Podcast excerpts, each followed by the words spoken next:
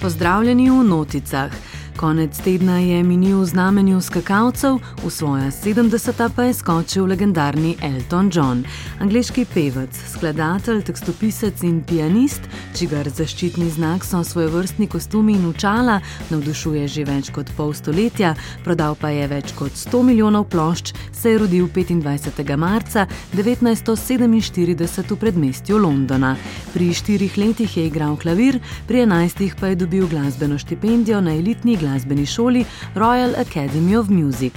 Leta 1961 je ustanovil zasedbo Bluesology, kmalo zatem pa se je posvetil samostojni karieri. S tole pesmijo Can You Feel the Love Tonight, ki jo je ustvaril za Disneyjev animirani film Levji kralj, je osvojil tako Oscarja kot Gremija, tega je v nadaljevanju kariere prejel še štirikrat, tudi za glasbeno legendo. Za prispevek k britanski kulturi je v njegove roke romala nagrada Brit Icon Award in še bi lahko naštevali.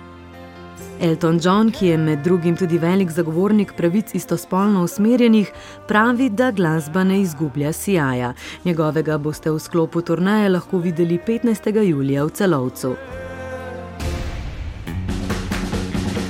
Prihodnje mesece se nam obeta veliko nove glasbe, samostojno ploščo pripravlja Paul McCartney, ki je producentsko delo zaupal Gregu Kirstenu, nad vse preverjeno se je ta v preteklosti osvojil nagrade za album leta, pesem leta in producenta leta.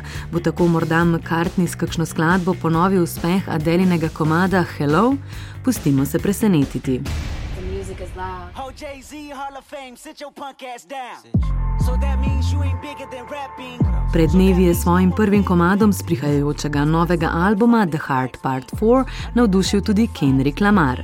Upamo si trditi, da bo raper tako ponovil uspeh, kakršnega je doživel z zadnjim albumom To Pimp a Butterfly, njegov naslednik bo išel 7. aprila, na njem se bo mladi raper ponovno ukvarjal s perečimi družbenimi problemi afroameriške skupnosti in vere.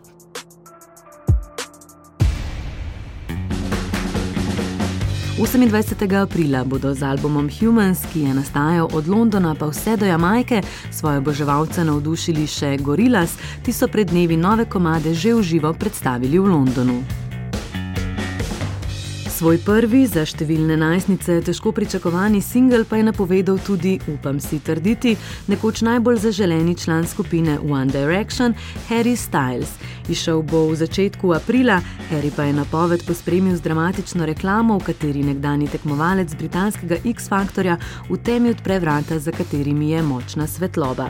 To pa je pretekli teden prvič ogledal tudi novorojenček njegovega kolega, 23-letnega Liama Payna, prav tako nekdanjega člana člana skupine One Direction, ki ga ima z deset let starejšo pevko Cheryl, nekdanjo sodnico omenjenega šova, na katerem sta se leta 2010 predstavila takrat še neznana mladca.